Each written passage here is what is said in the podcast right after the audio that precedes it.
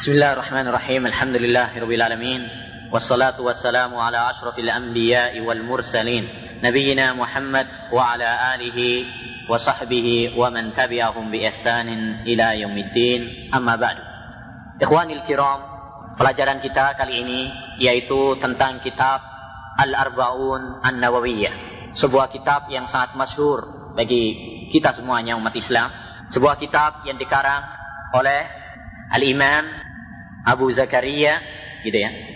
Kalau di situ tertulis apa? Muhyiddin Abu Zakaria Yahya bin Saraf An-Nawawi. Ini nama penulisnya yang biasa dikenal dengan Al-Imam An-Nawawi rahimahullahu taala. Di situ dikatakan Muhyiddin, ini adalah lakopnya. Ya, orang menggelarinya. Tapi perlu diketahui bahwasanya gelar ini tidak diridhoi oleh Imam Nawawi sendiri, ya, karena tawaduknya. Beliau mengatakan saya tidak menghalalkan orang yang menggelari saya dengan Muhyiddin. Muhyiddin itu artinya apa? Yang menghidupkan agama. Jadi beliau merasa ini terlalu besar bagi beliau. Kata beliau, saya tidak menghalalkan orang yang menggelari saya dengan Muhyiddin. Kemudian di situ Abu Zakaria. Ini namanya apa? Kemarin sudah kita bahas. Kunyah. Abu Zakaria. Yaitu suatu nama yang didahului dengan Abu. Kalau laki-laki. Atau kalau perempuan yaitu didahului dengan Ummu. Itu namanya adalah dalam bahasa Arab. Kunyah. Tapi perlu diketahui bahwasanya Imam Nawawi rahimahullahu taala tidak memiliki anak namanya Zakaria. Jadi beliau bapaknya Zakaria tapi tidak punya anak namanya Zakaria. Gimana punya anak? Beliau sendiri tidak nikah. Beliau termasuk ulama ul uzab, ulama-ulama yang tidak menikah sampai meninggal dunianya tidak menikah. Ya. Ada beberapa contoh ulama lainnya juga.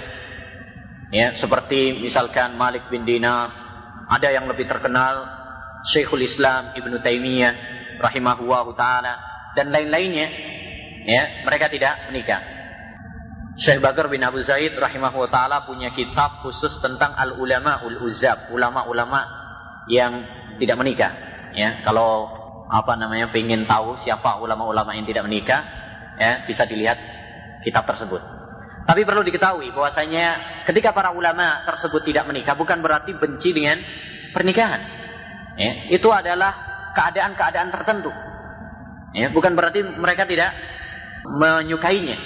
Mereka bersepakat bahwasanya nikah itu adalah suatu hal yang sunnah. Tetapi karena keadaan-keadaan tertentu mungkin karena kesibukannya atau lainnya, maka mereka tidak menikah. Dari sini dapat kita ambil satu faedah bahwasanya kunyah itu tidak mengharuskan apa? Punya anak. Dan, dan kemarin sudah kita sampaikan. Kemudian namanya Yahya bin Saraf ini namanya. An-Nawawi ini adalah nasabnya. Beliau dilahirkan di kota Nawa. Ya. Oleh karena itu beliau dinisbahkan kepada An-Nawawi. Tapi perlu ditegaskan juga di sini perlu saya sampaikan, jangan tercampur antara An-Nawawi penulis kitab Al-Arba'in dengan An-Nawawi Al-Bantani Al-Jawi. Karena ada juga di sana ya, orang Indonesia terkenal juga. Beliau belajar dan lama tinggal di Mekah ya dan banyak juga menulis kitab dan beliau punya tafsir besar ya namanya Nawawi Al-Bantani ada satu kekeliruan ada sebuah kitab syarah Maulid Ibn Al-Jauzi ya orang mengira itu adalah karangan Imam Nawawi penulis kitab Arba'in Yahya bin Saraf An-Nawawi ya yaitu kitab tentang Maulid Nabi ya disangkanya ini adalah karangan Imam Nawawi Imam Nawawi saja menulis tentang apa Maulid Nabi Padahal itu adalah karangannya siapa? Nawawi Al-Bantani. Bukan Imam Nawawi ya Pak. Nah ini perlu diketahui.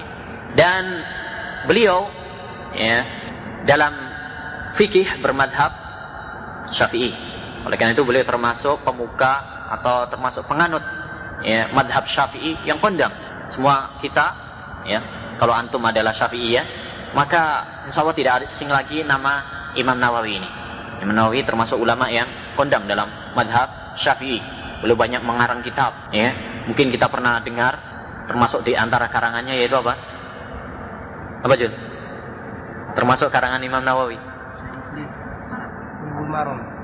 Ah, yang benar bulughul maram. Eh? Apa? Sarah Sahih Muslim.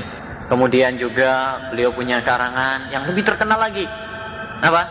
Riyadus Solihin. Ada beliau punya kitab Al-Adhkar. Banyak kitab-kitab beliau yang lainnya yang terkenal. Termasuk yaitu apa?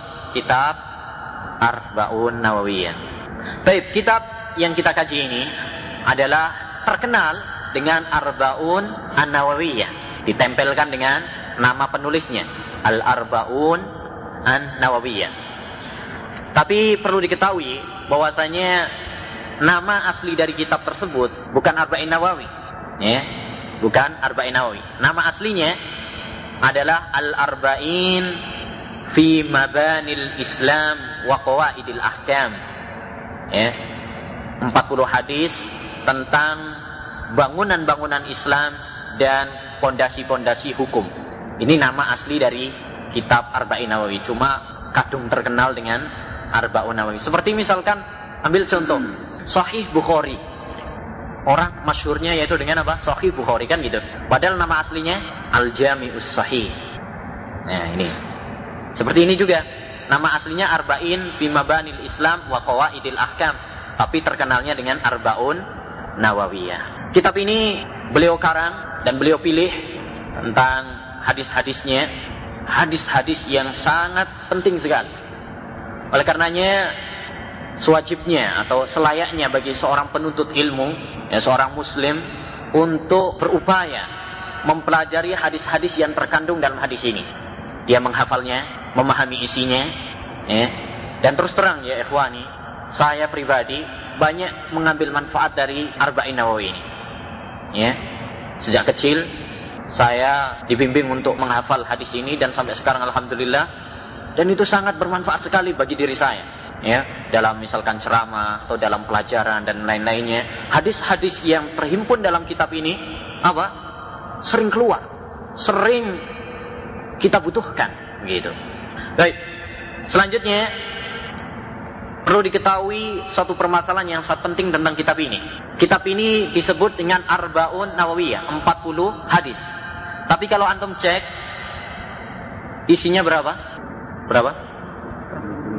42. Kalau 50 itu ada tambahan dari Al-Hafidh Ibnu Rajab Al-Hambali eh, yang mempunyai syarah ya, Jami'ul Ulum wal Hikam. Beliau menambah 8 hadis dari Arba'in Nawawiyah. Imam Nawawi menulis kitab Arba'in Nawawi 40, tetapi beliau menulisnya 42 ya mungkin ada sedikit persoalan. Gimana dia memberi judul 40 padahal isinya 42 kan gitu. Bagaimana jawabannya? Jawabannya mudah. Dalam istilah orang Arab biasa mereka itu menggenapkan. Jadi 43 sekalian berapa? 40 nah, itu biasa. 73 bilangnya berapa 70 sekalian nah gitu itu biasa dalam apa istilah orang Arab dan ini bukan suatu hal yang tercela. Oleh karenanya apa yang dilakukan oleh Imam Nawawi rahimahullah taala nah, ini adalah suatu hal yang tidak tercela. Ya, 42 tetapi dengan memberi judul 40 ini tidak tercela karena mungkin kalau isnain wa ini satu hal yang janggal dalam pemberian judul. Dan hal yang menakjubkan kalau kita pelajari kitab Arba'in Nawawi ini, ternyata kalau kita teliti tentang kesohihannya, ada dua hadis yang tidak sahih Ya, sekalipun beliau telah berupaya untuk membawakan hadis-hadis yang sahih saja, tapi namanya orang tidak ada yang selamat dari kesalahan. Ada dua hadis yang tidak sahih dalam Arba'in Nawawi ini. Dua hadis. Sehingga kalau dua hadis ini tidak ada sahih, maka benarlah judul beliau yaitu apa? 40 hadis. Hadis yang tidak sahih yaitu hadis yang ke-30. Inna wa farada fara'idha fala tudayyi'uha wa hadda hududan fala ta'taduha. Itu adalah hadis yang tidak sahih ya. Kemudian hadis yang ke kalau tidak salah hadis yang ke 41 yaitu la yu'minu ahadukum hatta yakuna hawahu taba'an lima ji'tu bihi. Tolong nanti dicek itu hadis 40 atau 41 ya. 41 ya. Nah itu hadis Abdullah bin Amr bin Al-As. La yu'minu ahadukum hatta yakuna hawa taba'an lima ji'tu itu hadisnya adalah hadis yang lemah Berarti ada dua hadis yang tidak sahih dalam Arba'in Nawawi ini. Baik, sekarang kita langsung mengkaji hadis yang pertama yang tadi sudah dibawakan atau sudah dibacakan oleh Al-Ah Abdul Basit ya. Baik, hadis yang pertama An Amiril Mukminin Abi Hafsin Umar bin Al-Khattab radhiyallahu anhu qala Dari Amirul Mukminin Abu Hafs Umar bin Khattab radhiyallahu anhu beliau berkata Sami'tu Rasulullah sallallahu alaihi wasallam yaqul Saya mendengar Rasulullah sallallahu alaihi wasallam bersabda Innamal a'malu binniyat. Sesungguhnya semua amalan itu tergantung kepada niatnya. Wa innama likulli imri'in. Dan setiap orang itu tergantung apa yang dia niatkan. Faman kanat hijratuhu ila Allah wa rasulih. Barang siapa yang hijrahnya untuk Allah dan Rasulnya. Fahijratuhu ila Allah wa rasulih maka hijrahnya adalah untuk Allah dan Rasulnya. Wa man kanat hijratuhu lidunya yusibuha. Dan barang siapa yang hijrahnya karena dunia yang ingin dia dapatkan. Awim ra'atin yang kihwa. Atau seorang wanita yang ingin dia nikahi. Fahijratuhu ila ma hajara ilai. Maka hijrahnya adalah untuk apa yang dia hijrah Hadis riwayat dua imam ahli hadis Abu Abdullah Muhammad bin Ismail Al-Bukhari yaitu Imam Bukhari penulis Sahih Bukhari wa Abu Husain Muslim ibn al-Hajjaj Al-Kushairi An-Naisaburi yaitu Imam Muslim fi sahihaihima dalam dua kitab sahihnya Sahih Bukhari dan Sahih Muslim alladaini huma asahhul kutubil musannafah yang dua kitab tersebut merupakan kitab yang paling sahih. Kitab hadis yang paling sahih adalah kitab Sahih Bukhari dan Sahih Muslim. Ayo ikhwah, hadis pertama ini adalah hadis yang begitu agung sekali dan merupakan pokok di antara pokok-pokok landasan agama Islam. Ya. Oleh karenanya sebagian para ulama ya yaitu Abdul Hasan Tahir Al-Mu'afiri Al-Andalusi beliau pernah mengatakan membuat sebuah bait tentang hadis-hadis yang merupakan pokok-pokok agama Islam beliau mengatakan umdatud dini indana kalimatun arba'un min kalami khairil bariyah. Ittaqis syubhati wazhat wada'ma laisa ya'nika wa'malan nabiniyah Beliau mengatakan umdatud dini indana. Pokok agama bagi kami menurut kami kalimatun beberapa kalimat arbaun berapa? Empat empat kalimat atau empat hadis min kalami khairil bariyah dari ucapan Rasulullah Sallallahu Alaihi Wasallam manusia yang terbaik. Ittaqis syubhat waspadalah dari perkara-perkara yang syubhat yaitu hadis Nu'man. Nanti hadis yang ke-6 yaitu innal halala bayyinun wa innal harama bayyinun wa bainahuma umurun mustabihat. Kemudian wazhad dan zuhudlah. Dan itu juga termasuk dalam kitab ini. Nanti ada. Izhad fid dunya yuhibbakallah wazhad fima indan nas yuhibbakan nas. Wada' ma laysa ya'nika. Tinggalkan apa yang tidak berfaedah bagi dirimu yaitu hadis Abu Hurairah min husni islamil mar'i tarkuhu ma la ya'ni dan itu juga tercantum dalam kitab ini juga nah, kemudian apa wa malan nabiniyah beramalah dengan niat. Hadis apa? Hadis innamal a'malu binniyat. Jadi hadis ini merupakan hadis yang sangat agung sekali yang merupakan pokok landasan agama. Oleh karenanya, para ulama mengatakan bahwa landasan agama dalam masalah urusan hati, urusan batin adalah hadis Umar bin Khattab, "Innamal a'malu binniyat." Adapun landasan atau pokok bagi perkara-perkara yang dohir, perkara-perkara yang luar, ya maka itu adalah hadisnya Aisyah radhiyallahu anha man amila amalan laisa alaihi amruna fahuwa raddun. Jadi hadis ini ini adalah landasan agama tentang masalah apa? Tentang masalah hati. Karena berkaitan tentang niat dan niat adalah tempatnya di hati. Nah ini. Adapun hadis Aisyah radhiyallahu anha, "Man amila amalan laisa alaihi amruna barang siapa yang mengamalkan suatu amalan yang tidak ada contohnya dari kami, maka tertolak." Ini adalah timbangan urusan apa? Urusan dohir, urusan yang nampak. Urusan urusan hati, urusan batin adalah hadis Umar bin Khattab. Adapun urusan yang dohir hadisnya Aisyah radhiyallahu an. Dan ini merupakan syarat diterimanya amal. Ikhlas ya dan itu diwakili oleh hadisnya Umar bin Khattab dan yang kedua adalah ittiba sesuai dengan contoh Nabi Muhammad SAW yang diwakili dengan hadisnya Aisyah radhiyallahu anha man amila amalan laisa alaihi amruna fawarad. Baik. Oleh karena pentingnya hadis ini, ikhwani fillah rahimani wa rahimakumullah, sampai-sampai Al-Imam Abdurrahman bin Mahdi pernah mengatakan, "Man arada an yusannifa kitaban falyabda bihadzal hadis." Ya, seorang ulama ahli hadis, Rahman bin Mahdi. Beliau mengatakan barang siapa yang ingin menulis mengarang sebuah kitab, hendaknya dia memulai dengan hadis ini. Hadis innamal a'malu bin niat. Oleh karenanya, kalau Anda baca kitab Sahih Bukhari, hadis yang pertama yang beliau bawakan adalah hadis innamal a'malu bin niat. Kalau Anda baca kitab Arba'in Nawawi, hadis yang pertama apa? Innamal a'malu bin niat. Banyak sekali para ulama-ulama yang memulai kitab-kitab hadis dengan innamal a'malu binniat. Kenapa? Ini satu, faedah untuk dirinya dan faedah untuk orang lain. Faedah untuk dirinya dengan harapan agar tulisan atau kitab yang dia tulis ini adalah niatnya ikhlas karena Allah Subhanahu wa taala. Dan faedah bagi orang lain agar orang lain dapat menirunya dan meluruskan niatnya.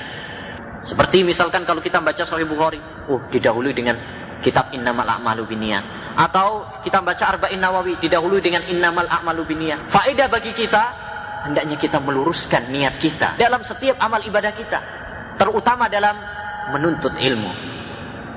Eh, yang ini merupakan pekerjaan yang sangat berat. Niat berat loh ya. Ikhlas itu berat, lebih berat daripada mengikuti sunnah. Kalau syarat yang diterimanya amal kan ada dua. Ikhlas dan apa? Mengikuti sunnah kan itu. Mana yang paling berat? Ikhlas. Kalau mengikuti sunnah mudah. Orang nampaknya mengikuti sunnah. Ya, banyak orang yang nampaknya mengikuti sunnah. Tapi yang ikhlas ya, ini sangat sedikit sekali. Oleh karena itu Sufyan As-Sauri rahimahullahu taala pernah mengatakan, "Ma'alatu syai'an asyadda alayya min mu'alajati ala niyah. Tidak ada sesuatu yang paling berat bagi saya untuk saya ya memerangi diri ya daripada apa? Memerangi masalah niat.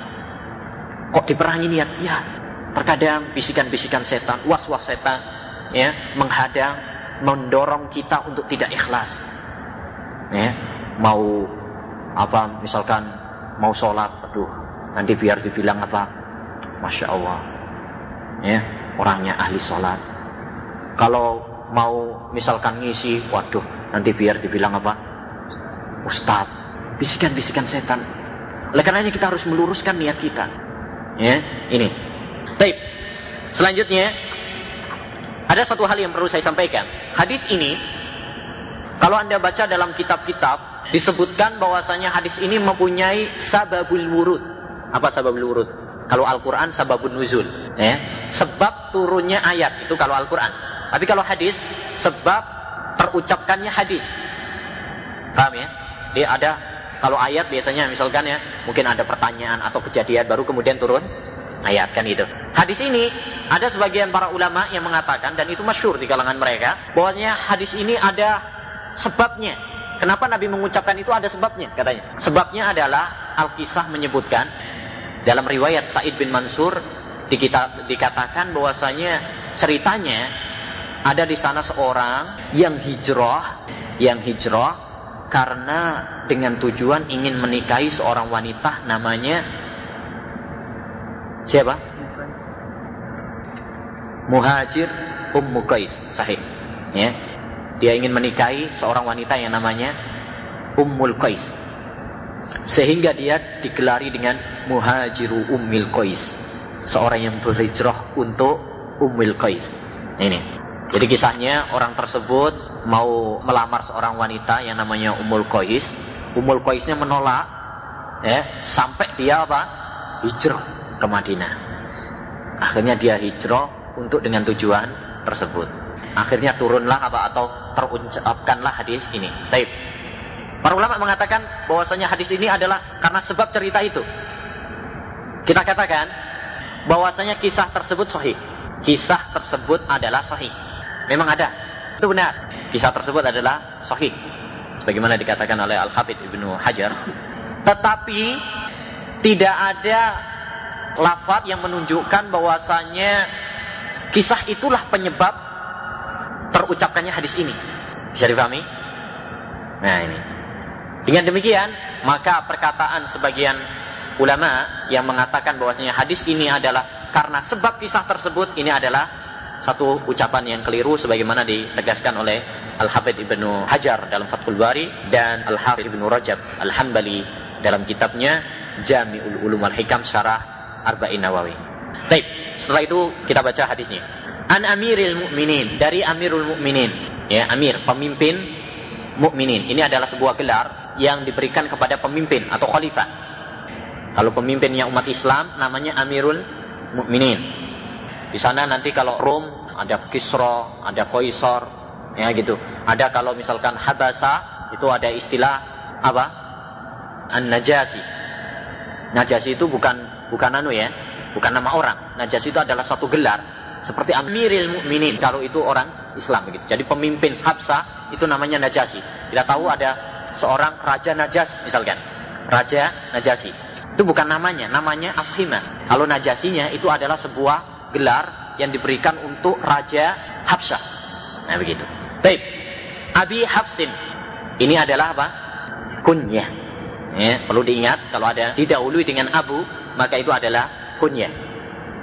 Tapi satu lagi perlu saya sampaikan, Hafiz ya, Abu Hafsin. Ini adalah kunyahnya Umar bin Khattab radhiyallahu an. Kunyahnya Umar bin Khattab. Tapi apakah Umar bin Khattab punya anak namanya Hafiz? Punya? Yang ada Hafsah. Hafsah lain dengan Hafsah. Kalau Hafsah ada tak marbutohnya. Ya, kalau Hafiz mudakkar, kalau Hafsah muannas. Ya. Tidak ada. Umar bin Khattab tidak punya anak namanya Hafiz. Yang ada adalah Hafsah. Oleh karena itu Imam Ibn Al-Qayyim rahimahullah ta'ala berdalil dengan uh, seperti ini bahwasanya boleh seorang itu walaupun dia punya anak dia berkunya dengan selain nama anak dia sendiri. Misalkan Abu Bakar radhiyallahu an, apakah dia punya nama anak namanya Bakar? Tidak. Padahal beliau punya anak yang lainnya. Ada Asma, ada Aisyah, ya, ada Abdurrahman. Tapi dia berkunya dengan Abu Bakar. Sedangkan beliau tidak mempunyai anak namanya Bakar. Umar bin Khattab, beliau berkunya dengan Abu Hafiz. Padahal tidak punya nama anak namanya Hafiz. Demikian juga Abu Dar Al-Ghifari. Ya, beliau tidak punya anak namanya Zat. Ya, demikian juga Khalid bin Walid, kunyanya Abu Sulaiman. Beliau tidak punya anak namanya Sulaiman. Demikian juga banyak contoh-contoh lainnya. Ya. Jadi hal ini menunjukkan kepada kita bahwasanya walaupun dia punya anak, misalkan anaknya 10, ya, tidak mengharuskan berkunyah dengan salah seorang anaknya, tidak mengharuskan. Sekalipun yang lebih utama adalah berkunyah dengan anaknya yang paling tua, ya. Seperti terdapat dalam sebuah hadis Rasulullah SAW bertanya kepada seorang, "Apakah kamu punya anak?" "Ya, nama saya Abdullah. Saya punya dua anak, namanya Abdullah dan Syurai." "Siapa yang paling tua?" Kata dia, "Syurai." Berarti kamu Abu Syurai. Ini adalah Abdulnya. Tapi tidak mengapa kalau pakai nama yang lainnya juga diperbolehkan. Dan diperbolehkan juga bagi yang belum punya anak untuk berkunyah. Ya, berkunyah boleh. Seperti kemarin saya bawakan hadis, ya Aba Umair ma fa'alan Nugair. Ya Aba Umair ma fa'alan Nugair. Wahai Abu Umair, padahal dia masih bocah kecil. Ya, masih bocah kecil dipanggil oleh Nabi, ya Aba Umair. Dan satu hal yang menarik, hadis ini, hadis ya Aba Umair ma fa'alan Nugair ini satu hadis yang menakjubkan. Satu hadis yang menakjubkan. Kenapa menakjubkan? Karena di antara para ulama dapat mengambil faedah dari hadis tersebut padahal hadisnya ringkas diambil faedah dari hadis tersebut berapa? 300 faedah 300 faedah dikeluarkan dari hadis ya Abu Umair ma fa'ala Nubayh. Ya, yaitu al Imam Al-Fasih. Ya, dan banyak ulama-ulama yang lain membuat tab hadis faedah tentang hadis tersebut. Kenapa? Karena sebagian orang menghina hadis tersebut. Gimana ahli hadis itu apa namanya meriwayatkan hadis-hadis yang tidak ada faedahnya katanya. Masa tentang anak kecil yang kematian burungnya itu tertulis dalam kitab hadis. Maka para ulama bangkit untuk apa? Membela hadis tersebut sehingga mereka dapat mengeluarkan 300 faedah dari hadis tersebut. 300 faedah bukan suatu jumlah yang kecil. Nih, kita aja mungkin hadis ini dapat 10, alhamdulillah. Nih, sudah ngos-ngosan istilahnya itu. Dapat mengeluarkan sepuluhan. Apalagi 100, 200, 300. Ya, ini ulama lah gitu. Baik, selanjutnya Umar bin Al-Khattab. Tidak asing lagi siapa Umar bin Khattab? Khalifah ke dua setelah Abu Bakar As-Siddiq radhiyallahu an dan manakibnya keutamaan beliau banyak sekali. Ya, beliau termasuk orang yang dijamin masuk surga dan beliau termasuk orang yang mulham, orang yang diberi ilham ya. Banyak kesesuaian apa yang beliau firasatkan sesuai dengan apa yang diwahyukan oleh Allah Subhanahu wa taala. Dalam empat ayat turun karena firasat Umar bin Khattab radhiyallahu anhu. Dan satu hal yang menarik, sekalipun banyak sebenarnya manakib beliau banyak sekali, ya, keutamaan beliau banyak sekali, tapi satu hal menarik yang ingin saya sebutkan tentang manakib beliau adalah Rasulullah SAW bersabda kalau melihat Umar bin Khattab, saya melihat setan, ini ro'aitu syaitana yafir apabila Umar bin Khattab lewat di satu jalan, maka setan cari jalan yang lain. Takut dengan siapa? Umar bin Khattab radhiyallahu anhu. Satu hal yang saya teringat, satu hal yang menarik, kisah menarik. Perlu sebelumnya saya sampaikan, Umar bin Khattab radhiyallahu anhu dan Abu Bakar orang yang paling dibenci oleh sebagian kelompok kaum muslimin yaitu kelompok Syiah Rafidah. Mereka sangat benci, bahkan mereka mengkafirkan dua sahabat yang mulia ini. Padahal ini adalah dua orang yang paling disintai dan disayangi oleh Nabi Shallallahu Alaihi Wasallam. Seringkali kalau antum baca dalam hadis Rasulullah keluar bersama Abu Bakar dan Umar. Rasulullah masuk bersama Abu Bakar dan Umar. Banyak sekali. Siapa yang paling dicintai oleh Nabi Shallallahu Alaihi Wasallam? Abu Bakar.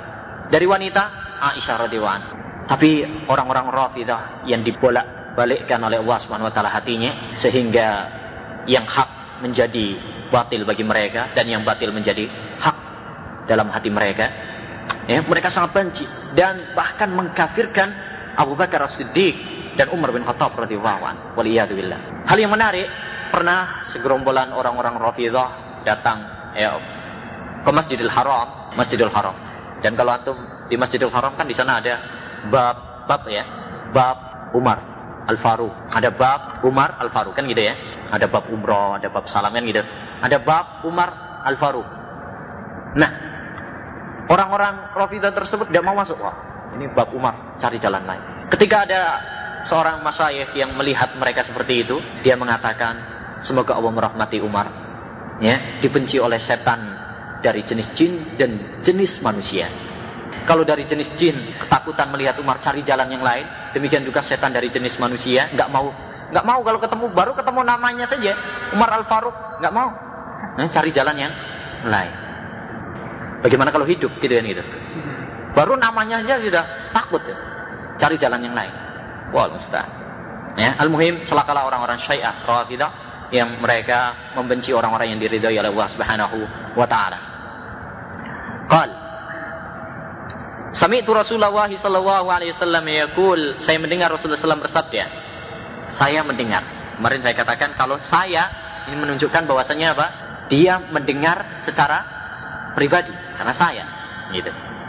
Innamal a'malu binniyat. Sesungguhnya semua amalan itu tergantung kepada niatnya. Wa innama likulli imri'in dan setiap orang tergantung kepada niatnya. Mungkin sekilas membaca ini kayaknya mengulang kan gitu. Innamal a'malu binniyat. Semua amalan itu tergantung dengan niatnya. Yang kedua dan setiap orang itu tergantung apa yang dia niatnya. Kayaknya apa mengulang. Dan memang sebagian ulama ada yang mengatakan itu memang mengulang, yaitu untuk menguatkan takkid dalam bahasa Arab. Sebagaimana dikatakan oleh Imam Al-Qurtubi. Tapi di sana ada pendapat yang lain dan ini yang lebih kuat. Bahwasanya pada dua kata tersebut ada perbedaan. Tidak sama, tidak mengulang. Dan dalam sebuah kaidah apabila suatu kata berputar, apakah dia itu litakid ya untuk menguatkan, yakni mengulang, atau kali taksis jumlah baru, ya jumlah baru, poin baru. Maka yang didahulukan adalah jumlah baru. Jadi kalau kita menjumpai apakah ini untuk menguatkan ataukah bukan menguatkan, maka pendapat yang kuat adalah bukan menguatkan. Yani jumlah sendiri-sendiri, bukan untuk menguatkan. Oleh karenanya, innamal a'malu binniyat wa innamal likulli imri'in Kata wa innamal likulli imri'in bukanlah penguat dari kata innamal a'malu binniyat, tetapi jumlah tersendiri ada makna memiliki makna tersendiri. Paham? Ya, timbul pertanyaan kedua, kalau memiliki makna tersendiri, lantas apa perbedaan kata pertama dengan kata yang kedua? Ada perbedaan. Kalau pada kata pertama, innamal a'mal, yang menjadi sorotan adalah apa? Amal. Yang menjadi sorotan adalah amal perbuatannya. Ya, Adapun pada poin yang kedua, wa inna malikul limri imana wa semua orang itu tergantung apa yang dia niatkan. Ini adalah yang menjadi sorotan adalah untuk siapa dia niatkan. Kalau tadi amalnya, ya, amal perbuatannya. Tapi kalau ini untuk siapa amal tersebut? Faham? Saya akan menerangkan lebih jelas. Para ulama membagi niat itu terbagi menjadi dua. Pertama niatul amal niat amal. Dan itulah yang dimaksud dengan innamal a'malu bin niat. Apa maksudnya niatul amal? Niatul amal yaitu niat seorang di dalam beramal. Dalam beramal. Contoh, kalau Anda misalkan mandi, ada dua kemungkinan. Kemungkinan yang pertama, Anda mandi dengan niat untuk menghilangkan hadas besar. Ya, mandi jinabat. Sah? Atau ada niat kedua yaitu hanya untuk ya kesegaran. Apalagi sekarang musim panas misalkan. Berarti di situ apa? Niat dalam satu perbuatan untuk membedakan antara adat dengan ibadah. Contoh yang lain, misalkan ada seorang nggak makan, nggak makan, Gak makan ada dua kemungkinan. Kemungkinan yang pertama adalah untuk ibadah. Kan gitu. Yaitu puasa. Ada yang kemungkinan yang kedua, enggak, ya memang enggak ada yang dimakan. Nah, misalkan gitu gitu. Kan bukan untuk ibadah. Nah, contoh yang lain. Ya, orang diam di masjid. Diam di masjid. Ada orang yang lihatnya diam di masjid untuk itikaf, untuk ibadah. Ini gitu. Ada yang di masjid memang ya memang ini kayaknya yang seger di masjid. Ya, di sana sumpah, nah, misalnya. Kan gitu ya. ya. Ini niat dalam dalam amal, niatul amal. Yang itu memiliki dua faedah. Yang pertama tadi, membedakan antara adat dengan ibadat. Yang kedua, faedah yang kedua, niatul niat amal ini adalah untuk membedakan antara ibadah antara satu dengan yang lainnya. Antara yang wajib dengan yang sunnah. Misalkan, Antum sholat dua rakaat. Kemungkinan antum niatnya adalah untuk sholat wajib. Sholat subuh misalkan.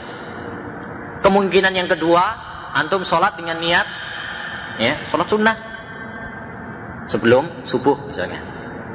Paham? Berarti ini adalah niat untuk apa? Membedakan antara sunnah dengan wajib. Contoh yang lain, misalkan antum puasa. Ya, Kemungkinan antum puasa misalkan sawal ya. ya. Antum kemungkinan e, berniat untuk puasa sunnah. Ada niat juga yaitu untuk mungkin apa? Kodok menebus mungkin punya utang. Kalau untuk menebus utang hukumnya adalah wajib. Tapi kalau untuk puasa sawal hukumnya sunnah. Nah, berarti niat pada amal salah satu faedahnya adalah untuk membedakan antara apa?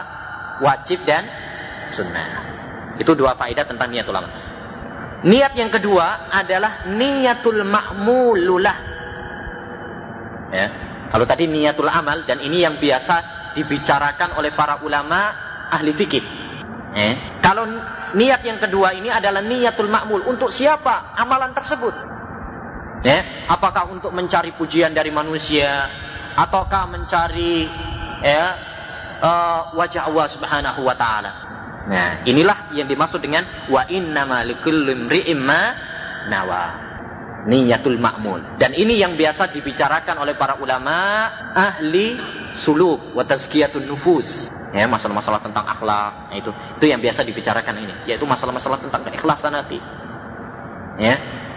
Jadi dengan demikian, maka jelaslah bahwa dua kata tersebut terdapat apa? Perbedaan. Yang pertama, innamal a'malu binniyat itu adalah niyatul amal, wa innamal likulli imri'in itu adalah niyatul makmul. Baik. Kemudian satu hal yang menarik juga yang perlu saya sampaikan dalam kata tersebut, innamal a'malu binniyat. Semua amalan itu tergantung dengan niatnya. Yang menunjukkan bahwasanya setiap amalan itu pasti ada niatnya. Tidak mungkin antum bekerja kecuali ada niatnya, berbarengan dengan niat. Antum sholat, pasti sebelumnya ada niat untuk sholat. Kan gitu.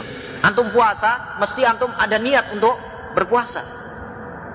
Oleh karena itu sebagian para ulama mengatakan, sebagian para ulama salaf mengatakan, "Lau kallafana Allahu bi amalin dunan niyyah lakana amron la yuta." Seandainya Allah Subhanahu wa taala membebani kepada kita suatu amalan tanpa niat, bekerja tapi tanpa niat. Ya, ini adalah suatu hal yang sangat tidak mungkin kita lakukan. Tidak bisa. Tidak mungkin seorang itu bekerja tanpa ada niat. Bisa antum? Ya sholat tapi jangan niat sholat. Ya nggak bisa. Oleh karenanya pada kata inamal amalu bin niat ini terdapat bantahan atau peringatan kepada orang-orang yang was-was. Tahu orang-orang yang was-was? Ya kalau mau sholat mungkin nunggu setengah jam dulu baru kemudian pernah. Allah Akbar baru. Ya kan? Pernah lihat orang seperti itu? Nah atau kalau wudhu wudhu setengah jam sendiri. Ya. Wudhu setengah jam sendiri. Itu orang-orang yang was-was. Imam Ibnul Qayyim rahimahullah ta'ala punya kitab Ighasatul Laghfan an Masaidis Syaitan. Ya, menolong orang-orang yang bingung ya karena kena tipu daya setan. Itu tentang orang-orang yang kena was-was. Satu hal yang menarik dalam kitab tersebut membawakan kisah ya, cukup menarik. Diceritakan oleh Ibnu Akil. Ada seorang datang kepada Ibnu Akil dia sudah mandi di lautan, jebur. Tahu jebur ya? Ini bahasa bahasa apa ini? Jawa ya. Maksudnya sudah tenggelam ya. Sudah semua badannya masuk ke air. Nih, untuk mandi. Habis begitu kemudian datang kepada Ibnu Akil. Kemudian berkata, "Wahai Imam, saya ini masih ragu-ragu apakah saya mandi atau tidak." Padahal sudah apa? Tenggelam badannya semuanya kena air. Dia bertanya karena kena was-was. Dia mengatakan, saya ini ragu apakah saya sudah mandi atau belum. Apa kata Ibnu Akil? Dia mengatakan, kamu itu sudah tidak wajib lagi apa? Tidak wajib lagi untuk sholat dan tohar. Loh kok bisa? Bisa. Rasulullah SAW bersabda, Rufi al-qalamu an salasatin, ya, salah satunya anil majnuni hatta yafiq. Ya, pena diangkat dari tiga orang. Anak kecil sampai balik, orang yang tidur sampai dia bangun. Yang ketiga yaitu ya ini kamu nih. Yaitu apa? Orang yang gila sampai dia sadar. Nah itu dikatakan oleh Ibnu Akil gila. Kenapa gila? Lalu sudah basah semuanya istilahnya tadi kalau bahasa Jawanya jebur gitu ya. Sudah semuanya basah. Tapi apa? mengatakan saya masih ragu-ragu, was-was setan. Dan itu ya, ya orang. Oleh karena itu kita mohon kepada Allah agar diselamatkan dari penyakit was-was ini. Orang kalau kena was-was, ya. Nasallahu salam kita memohon kepada Allah SWT keselamatan.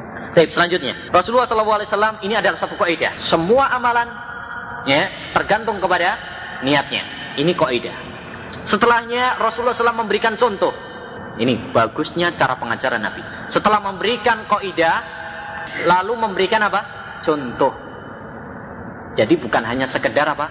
Orang bilang teori belaka. Kasih contoh.